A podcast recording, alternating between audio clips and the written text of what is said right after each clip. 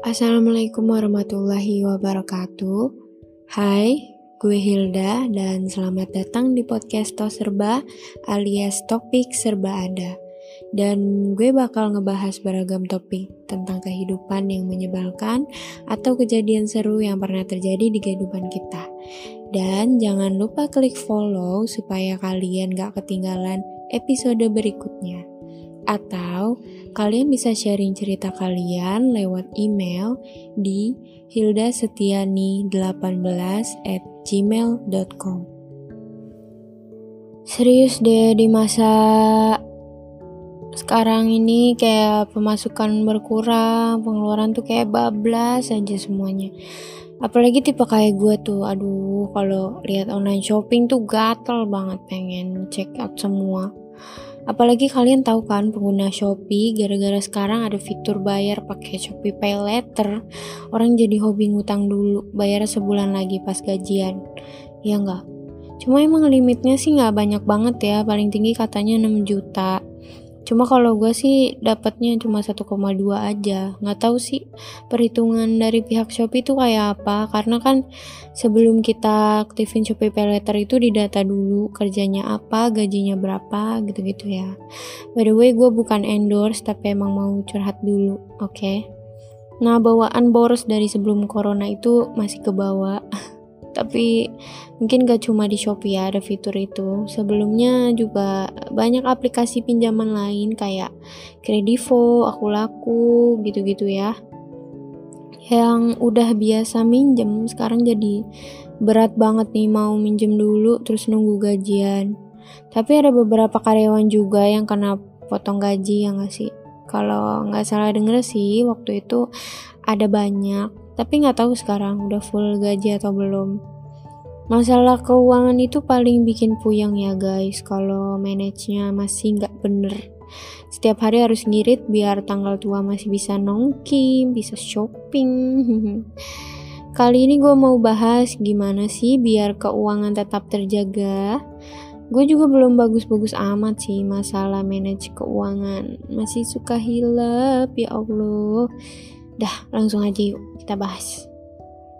Hal yang pertama kita lakuin adalah berinovasi. Maksudnya gimana? Kita mau nggak mau harus bikin uang kita muter ya. Banyak caranya. Salah satunya itu jualan. Jadi kali ini gue mau bahas tentang jualan. Rata-rata yang udah kena PHK kemarin itu banting setir jadi pengusaha dadakan.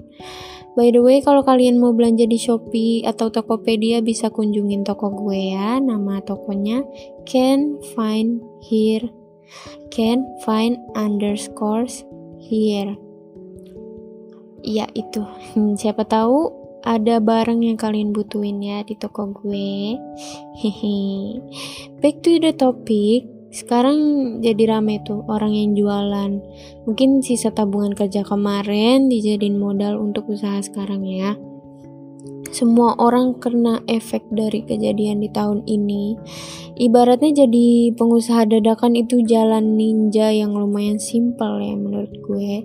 Karena siapa pun bisa jadi pengusaha. Nggak perlu punya titel lulusan apaan. Yang penting bisa promosiin barang bisa ngitung duit ya pokoknya tahulah masalah keuntungan yang kayak gitu gitulah kan kita udah nemu nih inovasinya apaan. Kalau gue kan contohin jadi pengusaha dadakan ya alias jualan apa aja.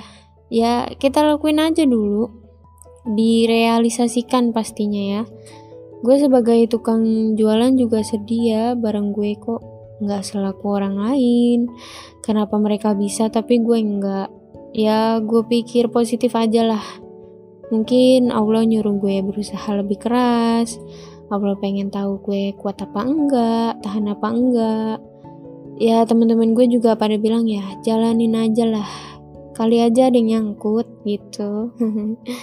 Apa aja lah pokoknya gue lakuin sampai itu story WhatsApp sama Instagram tuh isinya jualan semua sampai bikin akun Instagram baru khusus buat uh, katalog jualan gua yang penting lakuin aja lah dulu tapi saran gue sih kalau kalian belum ahli jualan barang sendiri atau ya produk kalian sendiri, kalian bisa jadi reseller dulu. Jadi reseller itu kita jualin barang orang, kita beli di orang dengan harga khusus yang dia kasih. Terus kita tinggal nentuin aja tuh mau jual berapa. Nah, keuntungan yang kita dapat itu ya buat kita. Dan rata-rata reseller zaman sekarang udah dikasih fasilitas dari pusat ya, dari orang yang jualan itu entah diajarin sampai bisa atau dikasih foto produk, video produk. Jadi kita cuma tinggal belajar aja sama posting foto atau videonya. Kalau ada yang order, tinggal kita urus sendiri deh. Enak kan? Cuma kalian harus pastiin dulu ya, apakah produk itu aman, bukan black market atau barang-barang terlarang ya. Gak lucu kan kalau kalian cuma jadi reseller tiba-tiba kesangkut kasus pemilik produk ya jangan sampai ya guys nah misalnya kalian udah mulai ada pelanggan nih terus kalian belajar dia tuh input data-data tersebut kayak barang yang dijual apa aja harga dari sana berapa dan kalian jualin berapa dan produk yang terjual tuh hari ini berapa sudah mencapai target belum? Atau kalau nggak ada target kira-kira ini barang akan laku terjual habis atau enggak gitu ya masalah balik modal itu nggak harus kalian pikirin dari awal ya kalau menurut gue. Tapi kalau kalian mau langsung balik modal ya itu hak kalian dan itu strategi jualan kalian kayak gimana. Pokoknya senyaman kalian enjoy aja gitu dan untuk masalah rugi atau barang gak laku itu pun pasti dirasain sama kalian. Yang pengusaha senior yang udah pada sukses sekarang itu mereka merintis dari awal pun udah apal rasanya kerugian, barang gak laku, atau mungkin ketipu sama pelanggan.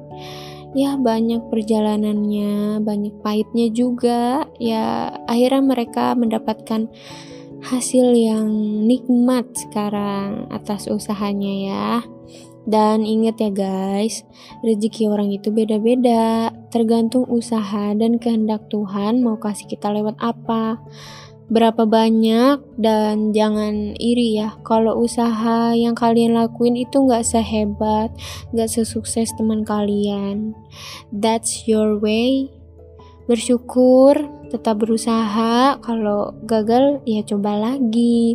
Berinovasi terus sampai supaya kita tetap bisa hidup ya. Semangat ya guys. Dan jangan lupa minta sama Tuhan berdoa dan usaha yang banyak.